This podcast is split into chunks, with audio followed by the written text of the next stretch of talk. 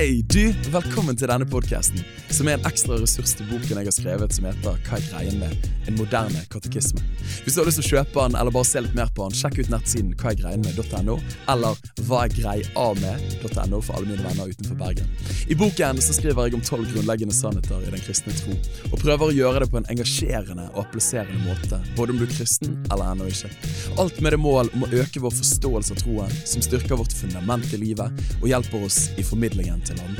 Min lidenskapelige overbevisning er at bibelsk Gud, som vi ble kjent med gjennom Jesus Kristus, er definisjonen av kjærlighet og sannhet. Hans vilje er dermed det beste for oss. Vi trenger derfor å lære troen. Så la oss komme i gang. Men jeg husker eh, når pappa døde av kreft. Og da husker jeg tenkte det at ja, vet du hva, nå måtte faktisk kreften gi tapt. For til himmelen kunne ikke han være med, pappa. Og det er noe fint med det. Å tenke at, at i himmelen, der er det faktisk ikke smerte, ikke sorg, ikke pine. Og det er jo en fantastisk trøst. Og ikke bare en trøst for her, men tenk så fantastisk det kommer til å bli en gang der, da. Når det faktisk ikke er sånn.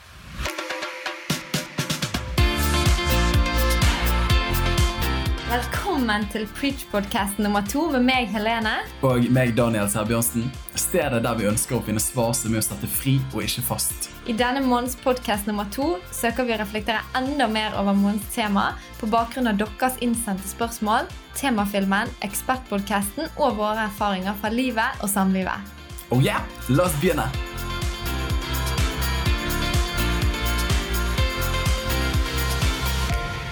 Yay! Du, hjertelig velkommen tilbake til podkast nummer to, Preach, med meg og Helene. Utrolig stas at eh, du lytter inn. Har du det bra, Helene? Jeg har det bra, så dette er kjekt. Men vi pleier jo alltid å eh, hoppe i gang med litt sånn eh, updates Helt sant? fra familien Sæbjørnsen. Så Daniel, det er definitivt du som har mest å melde. Eh, Iallfall på denne søndagskvelden her. Du, det er helt sant. Dette er søndagskveld post The Send 2022 i Norge. Historisk hendelse. Vi var ca. 10 000 stykker. Opp mot 10 000 som var samlet i Telenor Arena på Fornebu. Det var en utrolig fin og innholdsrik opplevelse på veldig mange plan. Utrolig takknemlig for eh, lørdagen sammen i går. Eh, Det hører jo med til historien at jeg dro vel torsdagsmorgen, for jeg var på UL Jeg dro fredagsmorgen. Jeg tror fredagsmorgen, ja, jeg blir døgnvill. Jeg tror fredagsmorgen, var på UL. Det var veldig gøy. Første gang jeg var på UL sammen med mine venner i NLM. Utrolig glad i NLM-vennene mine, så det var en utrolig fin opplevelse det òg. Jeg hadde to seminarer der. Eh, kjempegod respons og masse herlige ungdommer. Eh, så det var gøy. Og så var jeg på Descend. Knallbra. Angret veldig på at vi ikke fikk til at du ble med. Det kom rett og slett litt kjapt på oss. Og så, ja Det er veldig mye Men det kunne var sagt bra. fra Descend. Hva altså. hvis du skal si noe fra Descend? Et Jeg tror det liksom. sterkeste jeg syns, var når det var mange folk fra ulike nasjoner oppe på scenen, og så ba de for Europa og kontinentet vårt på sitt språk. Det var vanvittig sterkt, altså. Det var det. Det gjorde inntrykk på meg. Eh, ikke minst den enheten, den kristne enheten om at vi tilhører samme kropp, og vi har samme herre. Eh, det berørte meg òg eh, dypt. Og så ikke minst så var jo det som et stort slektstreff. Så en av de tingene jeg gledet meg mest til, er jo å møte folk som jeg eh, har kjent langt tilbake. Og jeg fikk møte masse folk, så ekstroverten i meg hadde det ytterst, ytterst godt. Altså, jeg fikk med, jeg ante jo ikke at du kunne se det live. Det fant jeg ut klokken åtte på kvelden, ca. Ja, Så da gikk jeg inn, og da kom jeg rett inn på kollektal. Ja. Så det var det jeg fikk med meg. Kristoffer Stokke er med i kollektale. Men det var fint, det, altså. Ja, Men det var, mitt, eh, det var det jeg fikk med meg. Han er flink på det. Han er på det. Ikke gi hvis ikke du har lyst. Nei, han er veldig god på å gjøre det trygt og godt for alle. Så håper det kommer inn litt penger for det. Uh, Ja, herlig. Og så Nei, vet du hva, det er veldig mye som skulle vært sagt, altså. Men det var en skikkelig hesterute å komme seg til hotellet jeg skulle sove på. For jeg sto på stand for Tro og Media og skulle sove på hotell ved siden av Gardermoen. Og så kom jeg omsider fram der etter å finne et busstopp fra Fornebu til sentrum og så tog til Gardermoen. Og så kom jeg til det hotellet, og så sa jeg er det her jeg skal sove? Så sa de ja, nei, det er faktisk ikke her du skal sove. Vi het det samme før. Men det hotellet som heter det du nå snakker om, det må du ta en shuttlebuss, så måtte jeg gå tilbake. Og, så det, var, det ble veldig seint, da. Og så var det tidlig opp på flyet i dag. Så jeg eh, Ja, så må jeg faktisk si, dette er jo litt for en historie, men jeg har kanskje hatt den mest traumatiske flyopplevelsen jeg har hatt i mitt liv i dag. For at I går kveld så kjøpte jeg en kebab, for jeg hadde ikke spist noe nesten hele dagen. Så jeg var litt sånn desorientert og litt sånn trøtt og alt. Så jeg kjøpte en kebab. Og så idet jeg sitter med på flyet, og det begynner å ta av, så kjenner jeg at det beveger seg i magen. Eh, og det er helt forferdelig. Jeg går aldri på toaletter på innenriksflygninger. Eh, og så bare tenker jeg dette må holde ut 45 minutter til Bergen. Det går bra. Og så bare kjenner jeg dette går faktisk ikke bra. Og akkurat da, i, i dag, så satt jeg innerst. Så jeg hadde to stykker utenfor meg, og jeg tror i hvert fall en av de sov. Og så kom de med de tralene for å servere både bakfra og forfra, og sto liksom i midtgangen. Så det var på en måte, det var så mange obstacles i veien for at jeg skulle komme til toalettet. da. Men til slutt så bare kunne jeg ikke, så jeg måtte bare reise meg opp og vekke og si 'jeg må ut', liksom. Og riste eller formidle til de ved siden av meg. Eh, og jeg syns det er så kleint og jeg synes det er så pinlig. Om å få de her tralene til å kjøre tilbake. Jeg bare sånn der, jeg kjenner det et eller annet. Nei, jeg sa ikke det, men eh, De så det kanskje på deg. de så det, jeg bare sånn Tusen takk. Eh, ja, så dette Det er veldig rart. Jeg trodde jeg skulle ha et, fått angstanfall. Aldri har fått et angstanfall som jeg sitter og rister før. Men jeg var så shaky. altså bare Hele kroppen min var ute av balanse. Så jeg var så utrolig glad da jeg landet. Altså, det Ja. Nei, dere, så dere forstår. Dette var sterkt. Ja, og tror jeg at nå deler du sikkert det samme erfaring som sikkert mange andre òg har hatt eh, i sin flykarriere. Det der er jo eh, siste sort, men jeg tror jo det er eh, mange som har eh, hatt et sånn ufrivillig dobesøk på eh, flyet. Ja, det tror jeg stemmer. Og jeg må Så- også si, det må vi bare slenge inn, nå ble det mye fra The Sand der, eh, men både UL og The Sand, så kommer det Altså, jeg blir overveldet over hvor mange som kommer bort og sier eh, Det tusen- var tusen taktskifte nå. ja, ja, det var en overgang. Vi må gå over til litt mer positive toner. Um, utrolig takknemlig for det. Altså, De kom bort og sier 'tusen takk for podkasten', 'tusen takk for alt det du gjør', osv. Og, videre. eh, og det jo dypt inntrykk. Og i går så kom det tre jenter på The Sand. Shout-out til dere. Dere vet hvem dere er. Som fortalte om en podkast og delte en sterk historie rundt det. Da. Eh, gjorde veldig inntrykk på meg. Eh, og av og til så kan vi få litt sånn følelsen når jeg sitter her, og nå gjør jeg eh, ganger fire flere podkaster enn det du gjør, for du gjør denne med meg. Men det gjør veldig inntrykk, da. Eh, at Gud bruker det lille bidraget som vi er og har, eh, til å berøre mennesker i sin etterfølgelse av Jesus. Eh, det det gjør meg dypt ydmyk og takknemlig. Mm. All right, Helene. Du, du fikk ikke være med på design. Du passet ungene som en halvtime her hjemme. Eh, men hva skjer framover? Altså, framover så blir det ferie. Vi har én uke igjen, og så er det ferie. Det blir jo eh, det blir veldig deilig. Så vi skal på hytten. Vi skal faktisk på vår første familieleir i sommer. Du, du, du, Eh, du, du, du, du, det blir veldig kjekt. Og så skal du eh, ha noen prekener Ja. eh, i løpet av sommeren òg. Sommeren er jo liksom sommerstevne i Kristen-Norge. Så eh, Så det blir veldig bra. Så ja. hva gleder du deg mest til? Hvis du skulle si inntil. Ehm, Nei, da må det bli familieleir, tror jeg. Eller, eh, altså, det er jo på en måte det eneste jeg vet vi skal. Ja, vi skal på hytten òg. Men eh, jeg gleder meg til familieleir, Ja, tror jeg. bra. Vi Selv om jeg sikkert er mer sliten etterpå enn jeg var før jeg lurer med oss eh, flere venner der, så det er kjempegøy. Nei, men så bra. La oss hoppe til Du- selve materien. Vi hopper rett i. Eh, du, sammendraget for månedens tema, og ja, tema Det må jo sies at denne podkasten er jo historisk, for dette er den siste. Hva er greien med podkast-episoden i serien? For nå har vi sluttført tolv temaer, og nå er vi på det tolvte temaet. Og vi hadde en ekspertpodkast med Jarle Haugland om temaet for denne måneden. Du, du, du, du, du, du. Hva er greien med himmel og helvete? Og det er jo et svært tema, eh, og vi håper å kunne få lov til å presentere denne bibelske sannheten på en forståelig måte, om du tror mye eller om du tror lite. Og jeg har komprimert essensen i filmen følgende, og det er den eneste komprimeringen av en dogme i denne serien her som er litt på rim, da. Jeg synes det passet seg, det bare la seg naturlig, og jeg synes det var litt gøy at det var den siste dogmen. Men der står det at vi kristne tror at Gud er den evige elsker som skapte himmel og jord.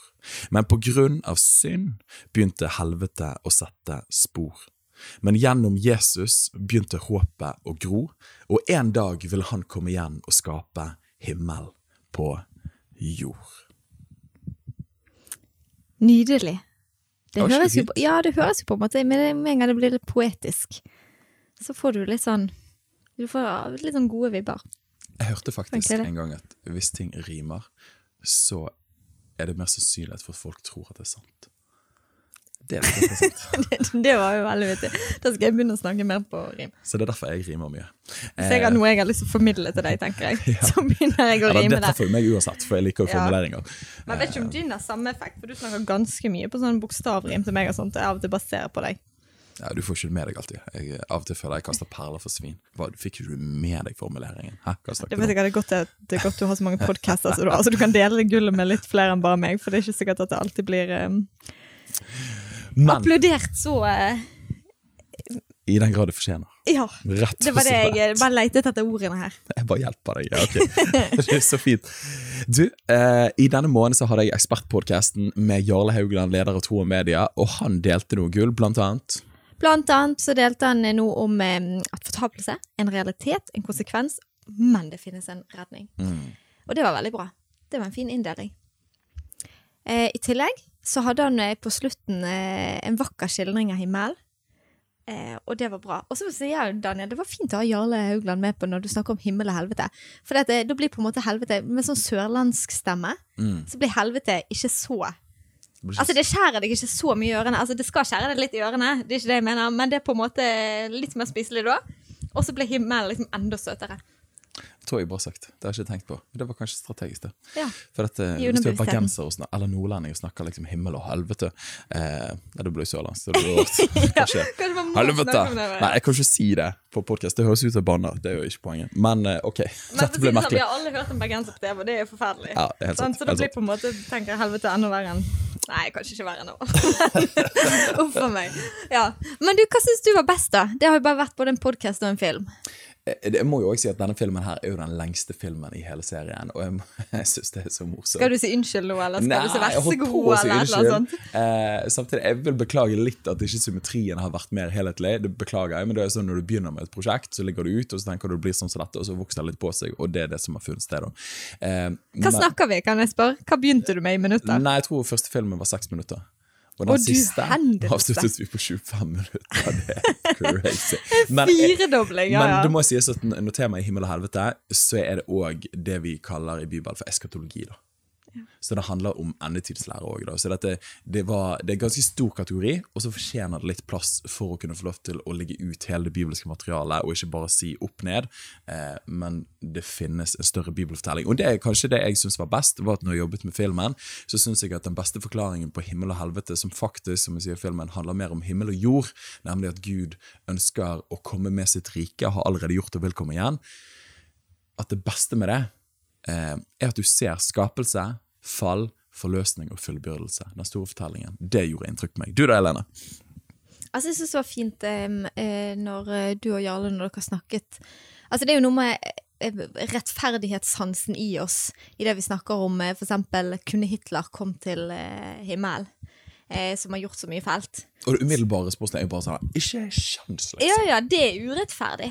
Men så er det akkurat som det er noe med den opplevelsen da som sier ja, men nåden er faktisk så radikal. Og det, det, Altså, jeg trengte den i mitt liv. Mm. Eh, fordi at jeg var ikke noe bedre sjøl. Selvfølgelig, man har ikke så mange liv på samvittigheten, og, og sånne ting, men, men foran eh, himmelsk gud så eh, hadde jeg ikke nådd opp til målet uansett, på en måte. Så uh, The Scandal of Grace Um, Det er jo nådens mysterium, på en måte. Mm. Ja, jeg syns det var fint. Så eh, Hitler han har jo på en måte satt meg på tanken av mye Mm. Bare må nevne det, for det er jo gjerne han som popper opp i denne sammenheng. Ja, verste person som har Ja, fantes. ja, sant. Eller som vi liksom tenker på, da. Men han kunne faktisk, eh, og kan, vi vet jo ikke, men eh, komme til himmelen på grunn av den vanvittige nåden. Ja, Hvis han omvender seg og tar Ja, ja da, evangeliet. Mm, mm. Ja, helt sant. Nei, Mm. ja. Nåden er rå. Nåden er fantastisk. Mm. Ja, det er jo helt rått. Og vi merker jo av og til at vi ikke har fattet den, når vi på en måte kan få reaksjoner som bare sier at nei, det der er ikke greit. Men så er nåden bare så mye villere enn det vi Kan forstå. og fatte. Ja, ja. Mm. Helt sant. Du, vi hopper i spørsmålet her. Det har kommet glitrende spørsmål. Litt eh, hissig eh, spiss på den første her. Eh, jeg har vokst opp i menighet, men hørt lite om helvete, og har en sterk tro likevel. Hvorfor gidder dere å ha dette som tema? Oh, Oh. Gøy. Den bare slenger jeg rett til deg, Kårebor. Eh, ja, takk for det spørsmålet, og takk for en litt sånn eh, Nei, ikke hissig vinkel på det, men en litt sånn ærlig ja, rett på. rett på. Um, Kommer ikke fra Sørlandet. Nei. skal vi begynne å kategori kategorisere spørsmål etter hvordan de høres ut på um, Altså Det letteste hadde definitivt vært å la være å snakke om livets to utganger. Em, men det Men helt enkelt gjør vi jo det eh, eh, Altså, så må vi jo snakke om det, for det at Guds ord er sant. Og det er evig. Så det står jo blant annet i Matteus 24, 35, så står det at himmel og jord skal få gå, men mine ord skal aldri få gå. Så det betyr at vi, vi Det som står i Guds ord, det må vi snakke om. Eh, og det kommer ikke til å endre seg. Eh, og så er det jo også, så står det òg i eh, Johannes 5. Der står det om, eh, altså om vår respons til Jesus. Den har faktisk evighetskonsekvenser for livene våre. Der står det i 5.24 så står det sannelig, sannelig, sier jeg dere. Den som hører mitt ord og tror på Han som har sendt meg, han har evig liv og skal ikke komme til dom, men er gått over fra døden til livet. Sannelig, sannelig, sier dere, den time kommer og er nå, da de døde skal høre Guds sønns røst, og de som hører skal leve.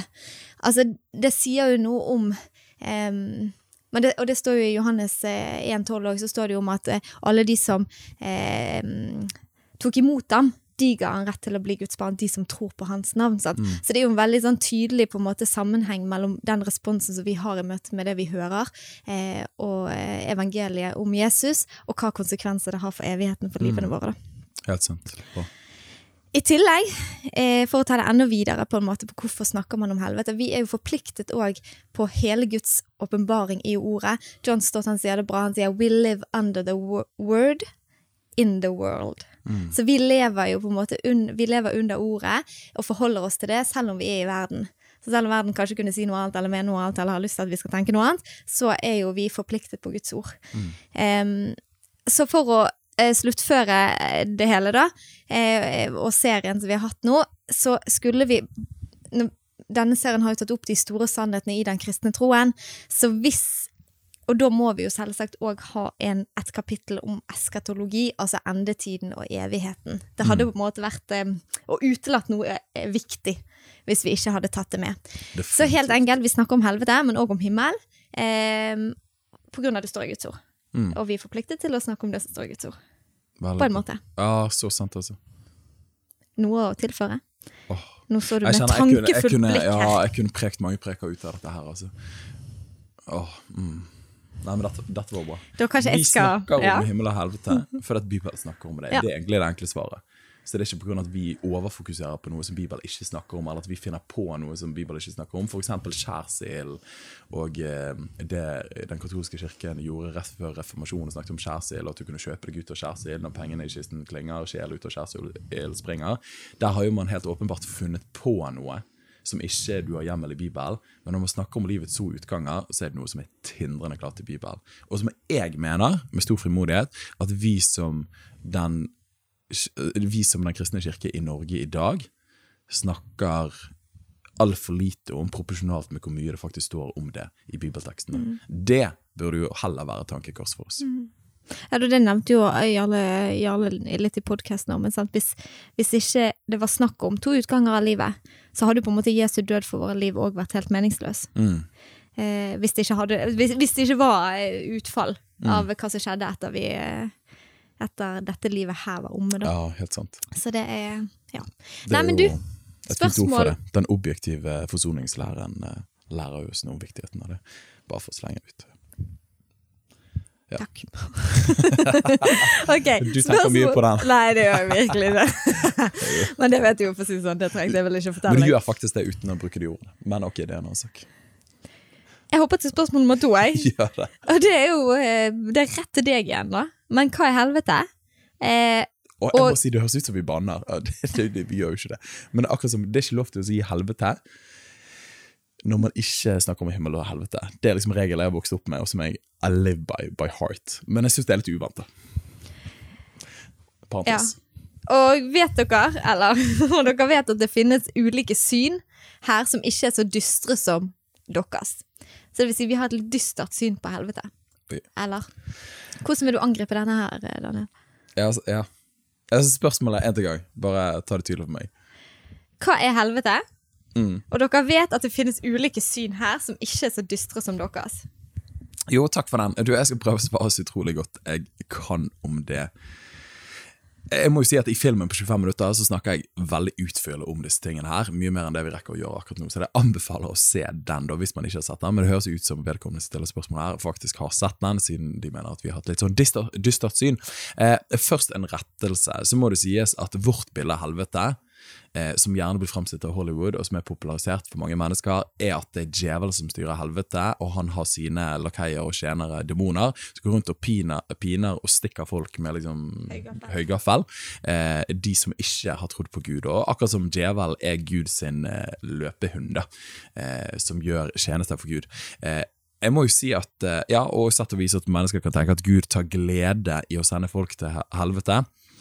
Og jeg skjønner at man har det inntrykket, i hvert fall når man har vokst opp med litt sånn popularisering av hva helvete er for noe.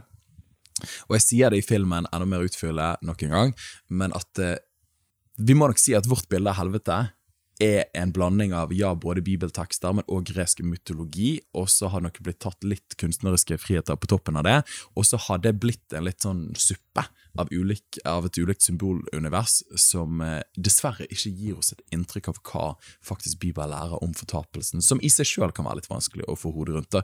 Eh, men hvert den tanken om at det er djevelen som styrer helvete, det er langt ifra virkeligheten. Tvert imot så sier åpenbaringsboken 2010 så sier han at djevel, som forførte dem, altså mennesker som levde på jorden, ble kastet i sjøen med ild og svovel, der dyret, som er et eh, ord for djevel, og den falske profeten er.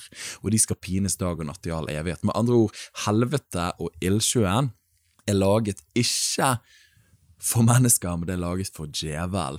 Og han som er definisjonen av ondskap og opprør mot Gud og alt godt. Så det er ikke han som styrer der, langt derifra.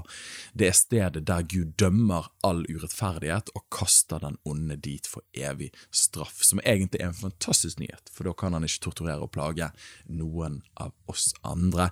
Og så må det òg sies at hva er helvete for noe? Jo, Bibelen bruker ulike uttrykk eh, på hva helvete er for noe, og ikke minst i Nytestamentet så møter vi ordet helvete som blir oversatt i vår tekst med eh, på norsk, men det, det ordet som brukes der er jo Gehenna, som var et fysisk sted utenfor Jerusalem, en, eh, Jerusalem, en skraphaug, en bossplass der man brente ting, og tidligere så hadde vel man ofret barn til Molok der i mer sånn gammeltestamentlig tid, eh, som var en avgud, så dette var jo et ekkelt og eh, ja, et stinkende sted, rent fysisk. Eh, Et annet ord som brukes, er jo fortapelse, ildsjøen, den annen død, osv. Og da må det sies at eh, Det nye testamentet bruker mange menneskelige beskrivelser i sin forklaring på hva dette grufulle stedet og tilstanden er. Og så må jo det også sies, og det snakket vi om i podkasten med Jesus, ja, han som underviser mest om fortapelsen. Og det er jo tankevekkende, Helene. Altså, det er tankevekkende, og i for når jeg tenker over at mange gjerne liksom kritiserer Paulus, eller liksom at Paulus han var litt sånn kjip og vanskelig, jeg klarer ikke helt å forholde meg til han, men har Jesus. Da er det sånn av og til å stusse på sånn eh, Har du lest Jesus? Jesus er mye tøffere enn de andre nytestamentlige forfatterne. Men Jesus bruker ulike metaforer og menneskelige beskrivelser, annet det ytterste mørket, hvor det vil være gråt og tenners gnissel, den evige ild, evig straff, uslokkelig ild. Med andre ord, Poenget er jo ikke de konkrete metaforene, for det er gitt som en menneskelig beskrivelse, akkurat som Jesus brukte ordet Gehenna. Poenget var jo ikke at de som gikk fortapt, kom til søppelplassen utenfor Jerusalem, men man bruker kjente begreper. Henger du med meg? Ja. Kjente begreper for å beskrive en ukjent virkelighet. Og det er jo på en måte det Jesus gjør med alle sine lignelser. Ja, ikke sant? Sant? Han bruker jo historier som folk kan relatere til, for å forklare noe. Ja, og det er jo en læren ut ifra analogier. Ja. Men så må du si, yes, det ble jo også presisert spørsmålet her, det finnes jo andre syn på fortapelsen som ikke er så dystert som deres, og da kan jo man eh, gjerne løfte opp de tre primærsynene, i hvert fall hvis man skal løfte opp, drøfte ulike syn. Eh, så er jo den første universalisme, eh, som betyr å forstå som at til slutt så blir alle frelst, og det finnes ulike sjarteringer innenfor alle disse tre hovedkategoriene. Eh, men liksom det store overblikket er universalisme. Alle blir frelst til slutt. Altså, dette er jo en veldig appellerende tanke. Altså, ikke sant? Altså, Tenk til slutt, så kommer alle til å tro. Gud kommer til å gjøre alle ting nye. Han kommer til å frelse til og med de som forkastet han og ikke vil følge han. For at en dag vil de se han, og da vil de forstå at de valgte feil, og så vil de velge han på nytt. Jeg skjønner at den tanken er appellerende. Hvem vil vel ikke det? Og på sett og vis, det er vel Anti-Wright som sier det, at på sett og vis burde vi alle være på en måte I hvert fall ha ønske om at universalisme skulle være sann. Eh, jeg mener jo at eh, Jeg skjønner at han er appellerende, men han mangler definitivt bibelsk belegg. Da må du hoppe så mye eksegetisk akrobatikksalto over så mange sammenhenger. Så jeg mener at skal du være tro mot teksten, så er det ikke mulig å lande der, da. Og Så er det et annet syn som eh, heter annihilasjonisme. Annihilasjonisme, som er gresk og betyr tilintetgjørelse. Eh, an, anhillate er det det på engelsk? Det var litt sånn vanskelig ord. Annihilate, et eller annet sånt. Men det betyr opphøre, eh, som er et vanlig engelsk ord. Men tilintetgjørelse. Men dette er et forholdsvis moderne syn. Eh, og der er tanken at mennesker opphører å eksistere hvis de ikke velger Jesus og de går fortapt. Så opphører de å eksistere enten umiddelbart, her er det ulike forståelser, eller etter en tid. Eh, så opphører de å eksistere. Eksempel at bare ordet 'fortapt' i seg sjøl betyr at det går tapt, eller død, det betyr at det faktisk ikke lever, eller at det som brenner, vil til slutt brenne opp, osv. Jeg skjønner at denne tanken er appellerende. Man tar på alvor eh, at man trenger å ta et valg, og det får evige konsekvenser, men det er ikke evige konsekvenser i den forstand at man lever eh, med en bevisst lidelse eh, for evig. Og ikke minst menneskelig sett, med kjærligheten til mennesker som ikke har valgt Jesus, så skjønner jeg det veldig godt. Men jeg mener samtidig at denne òg tar nok ikke på alvor en hel del skriftsteder. Ja. Og så er det den siste forståelsen, eh, som handler om evig fortapelse.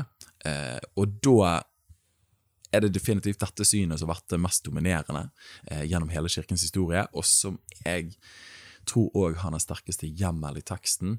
Altså en evig fortapelse som er en respons på våre valg i dette livet.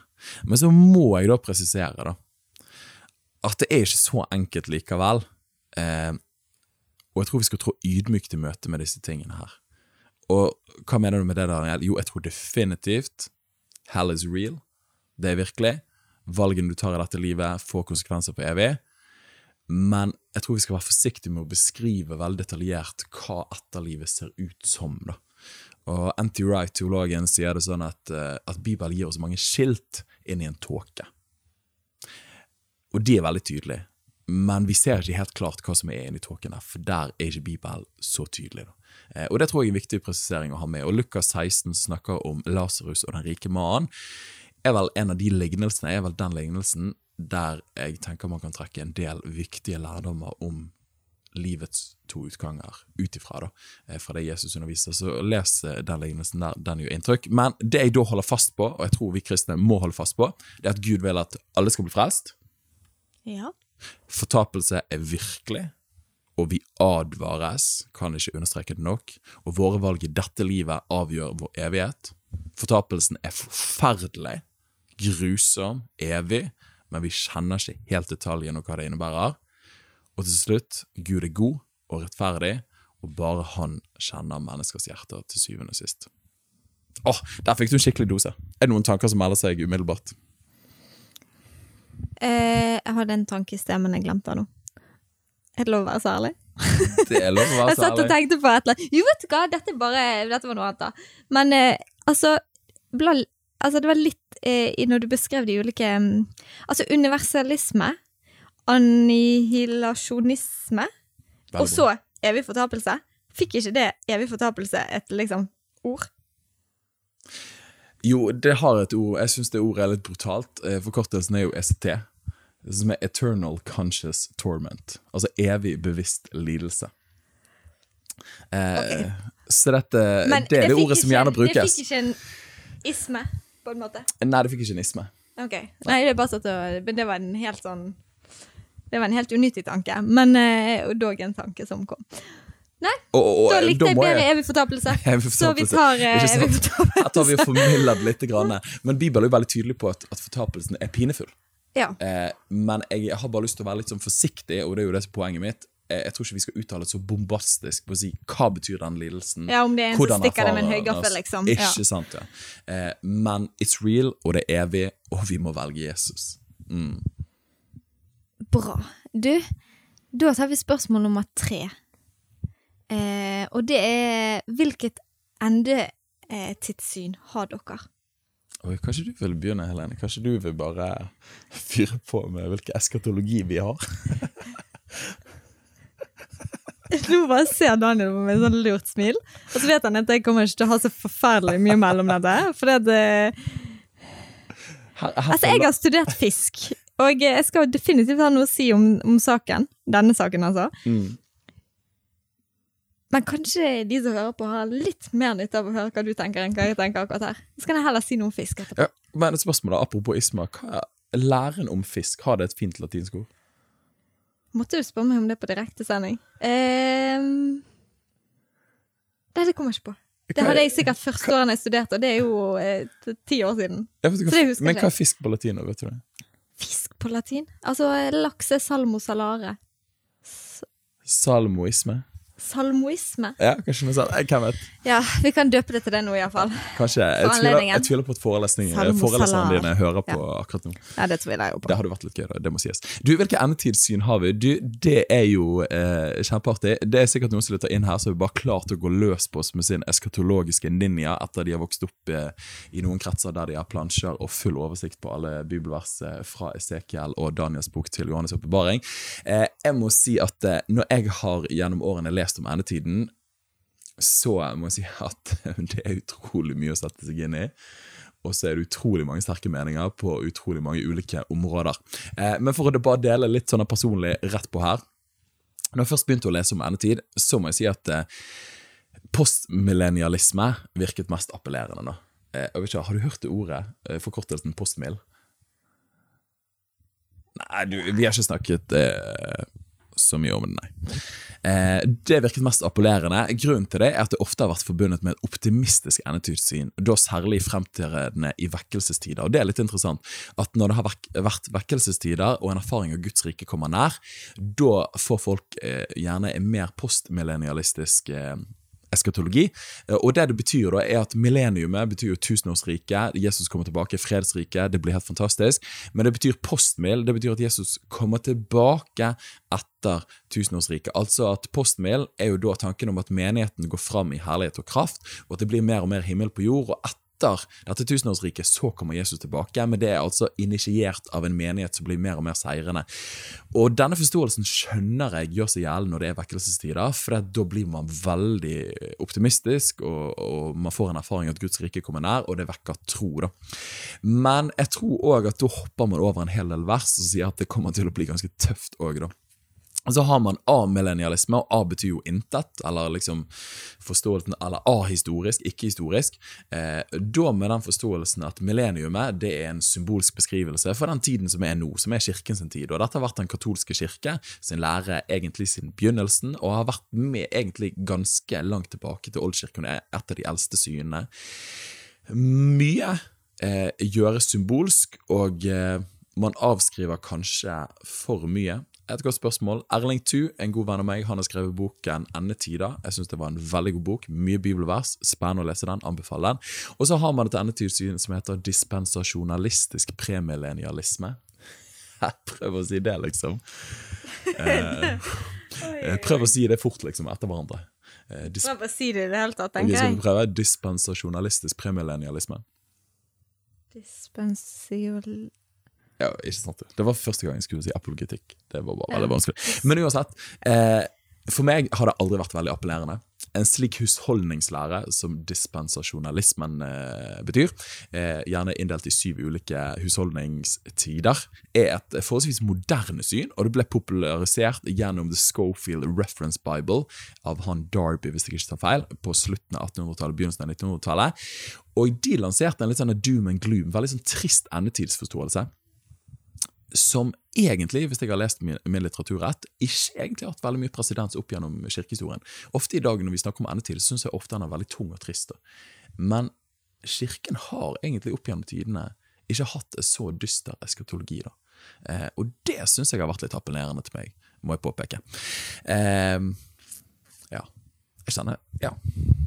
Hva kjenner du? Nei, jeg kjenner at eh, jeg er jo en mann som er optimistisk av natur, men jeg tror jo på en seirende Gud. Derfor eh, tror jeg at eh, vi skal få lov til å gå med frimodighet inn i framtiden. Men så er det den siste, siste synet. Det er jo fire primærsyn. det er den historiske premillennialismen. Dette hevdes av mange å være det eldste synet, sammen med da Amil. Og det er vel dette synet de fleste evangelikale holder til i dag, ikke minst da i USA. Eh, og Jesus er da den som initierer tusenårsriket, altså premillennialisme. Altså Jesus kommer igjen før millenniumet. Og jeg må si, med min erfaring fra menighetsliv og vokst opp i disse tingene her, jeg vet ikke om jeg har så tiltro til oss kristne at vi kan liksom usher in eh, millenniumet. Eh, jeg tror det er litt for optimistisk, selv om jeg tror vi skal få lov til å være med på veldig mye spennende. Så mye kan sies her. Og her er det mye som kan sies, faktisk.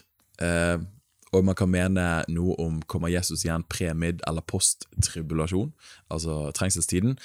Uansett, mange detaljer, vanskelig å konkludere. Derfor har min konklusjon vært at eh, jeg må vite de store rammene på huset, men alle detaljene inni lever jeg faktisk forholdsvis greit med å ikke kunne kjenne og forstå alt, selv om man søker å lære mer og mer. Så den store Ok, kan du bare Ok, nå har jeg snakket mye.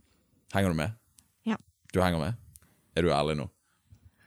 Ja, jeg henger jo med, men altså, sånne her eh, faguttrykk er jo ikke min sterkeste side. Ok, Du skal være superkjappe, da. For å oppsummere, hvilke endetidssyn har jeg, og da vi?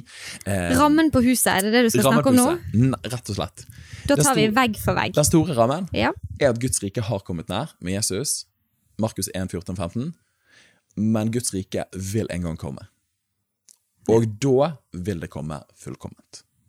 Det er den store horisonten. Det er rammen på huset. Jeg kjenner ikke alle detaljene. Jeg forstår ikke alle versene og kapitlene i åpenbaringsboken. Og det tror jeg faktisk er helt greit. Vi skal søke å forstå mer og mer, men dette er den store rammen. da.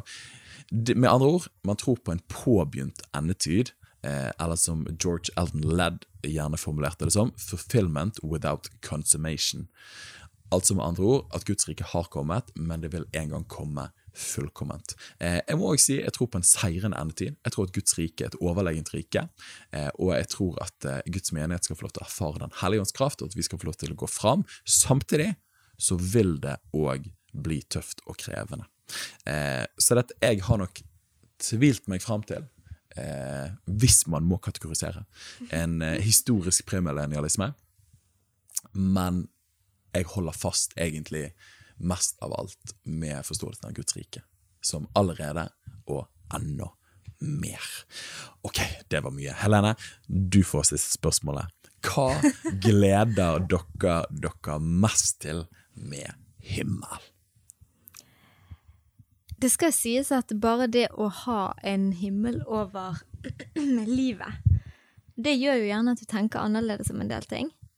Eh, jeg kan jo bare meddele òg at altså Det har jeg jo sagt i en podkast før, men, men vi mistet jo eh, Jeg mistet pappa da jeg var 19. Nå er jo jeg 30, så det er jo i år 11 år siden. Men det å ha en himmel over livet um, og en horisont som er lengre enn bare dette livet her, det gjør jo noe med hvordan du forholder deg til livets realiteter, og, og det man møter, da. Og da blir man jo ekstra glad i, kanskje, og det tror jeg vi alle kan være, uansett hva livet møter oss med, men, men vi, da blir man kanskje ekstra glad over de tingene som man leser i Åpenbaringen 21. Um, og jeg leser som følger. Og jeg så en ny himmel og en ny jord, for den første himmel og den første jord var blitt borte, og havet er ikke mer. Og jeg, Johannes, så den hellige byen, den, det nye Jerusalem, kommer ned fra Gud ut fra himmelen, gjort i stand som en brud smykket for sin brudgom. Og jeg hørte en røst fra himmelen som sa, Se, Guds bolig er hos menneskene, og han skal bo hos dem, og de skal være hans folk. Gud selv skal være hos dem og være deres Gud, og Gud skal tørke bort hver tåre fra deres øyne, og døden skal ikke være mer, heller ikke sorg eller gråt eller smerte skal være mer, for de første ting er blitt borte. Så sa han som satt på troen, se, jeg gjør alle ting nye. Um, det er fine vers. Fantastiske vers. Jeg husker hvis jeg på en måte Nå skal ikke liksom eh, Plutselig folk forbinder himmelen med at pappa døde. Men jeg husker eh, når pappa døde av krefter.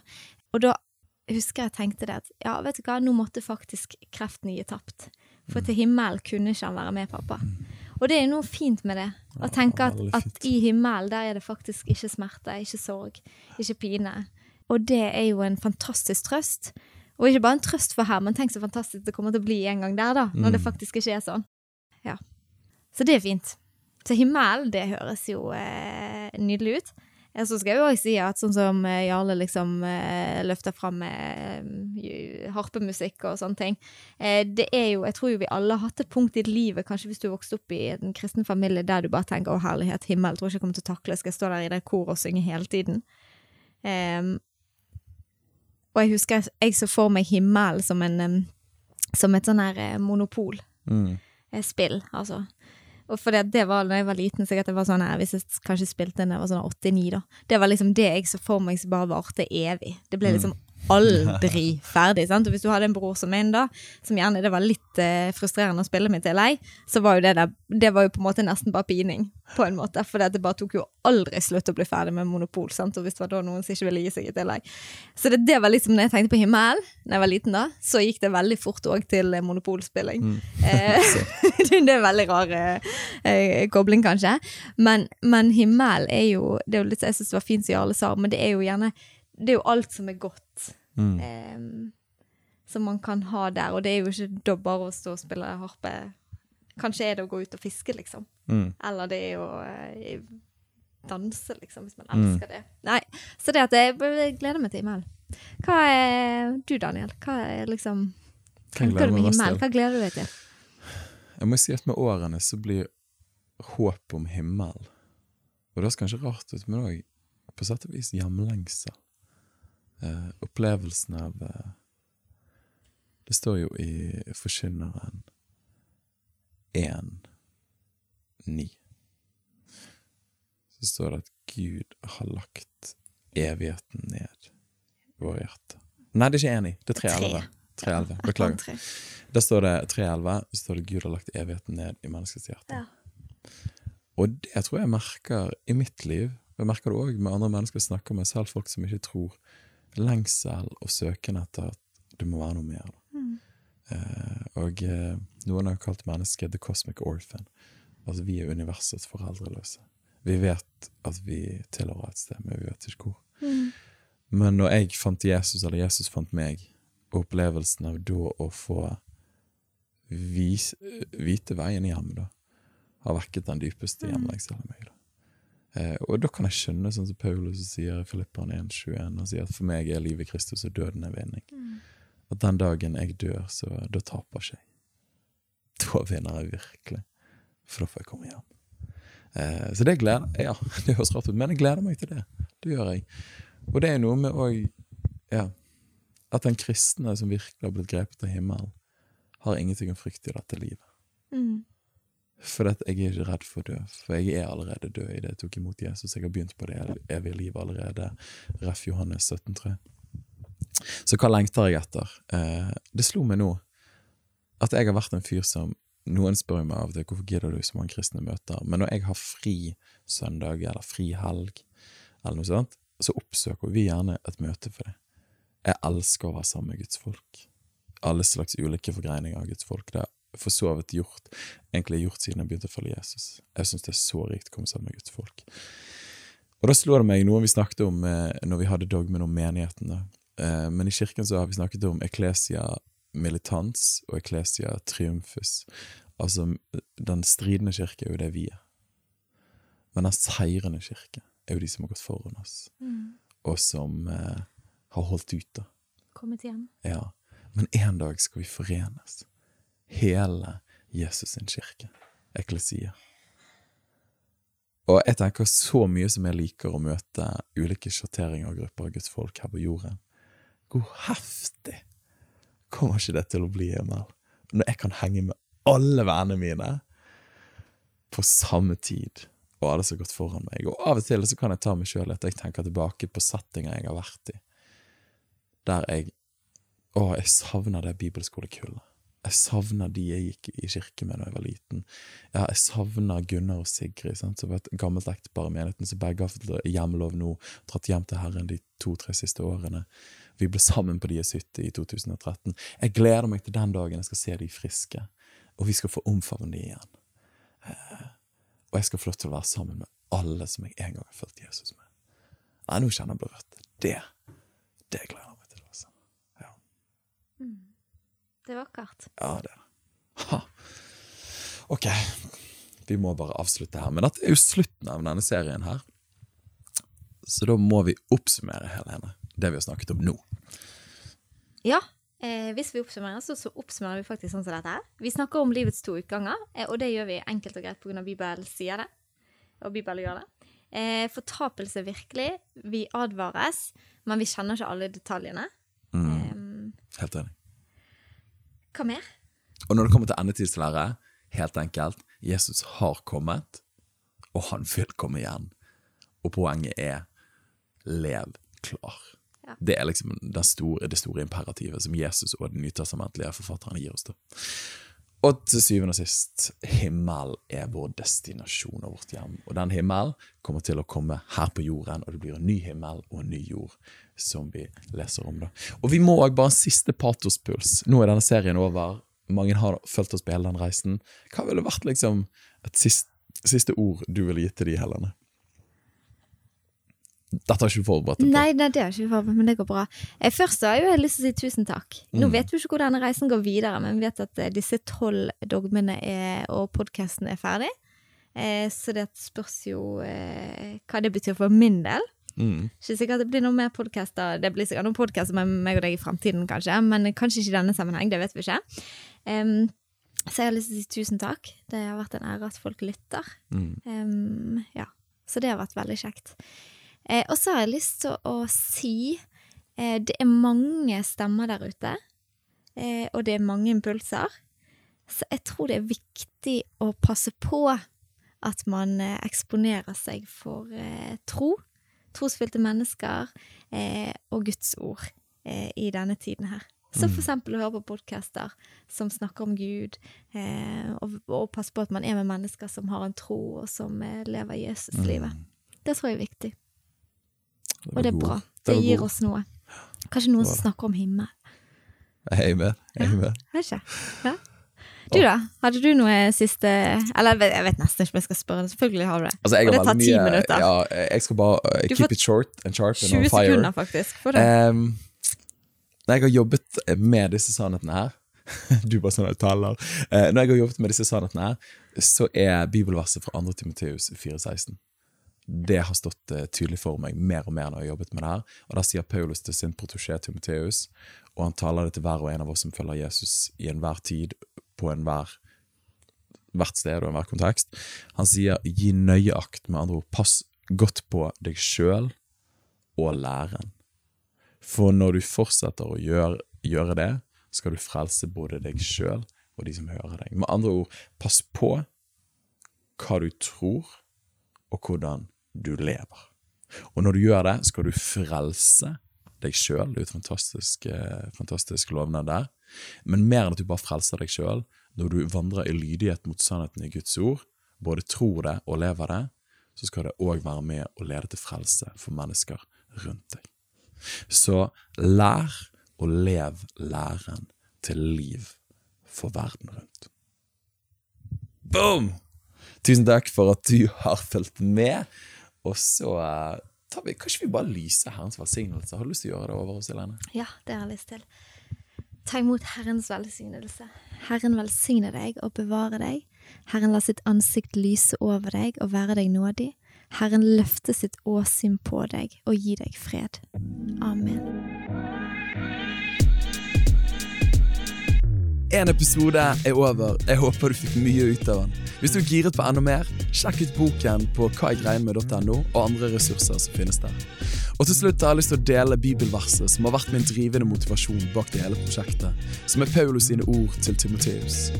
Gi nøye akt på deg sjøl og på læren. Fortsett med det, for når du gjør det, skal du frelse både deg sjøl og de som hører deg. 1. Timoteus 4,16. Så la oss lære å leve troen til liv for verden.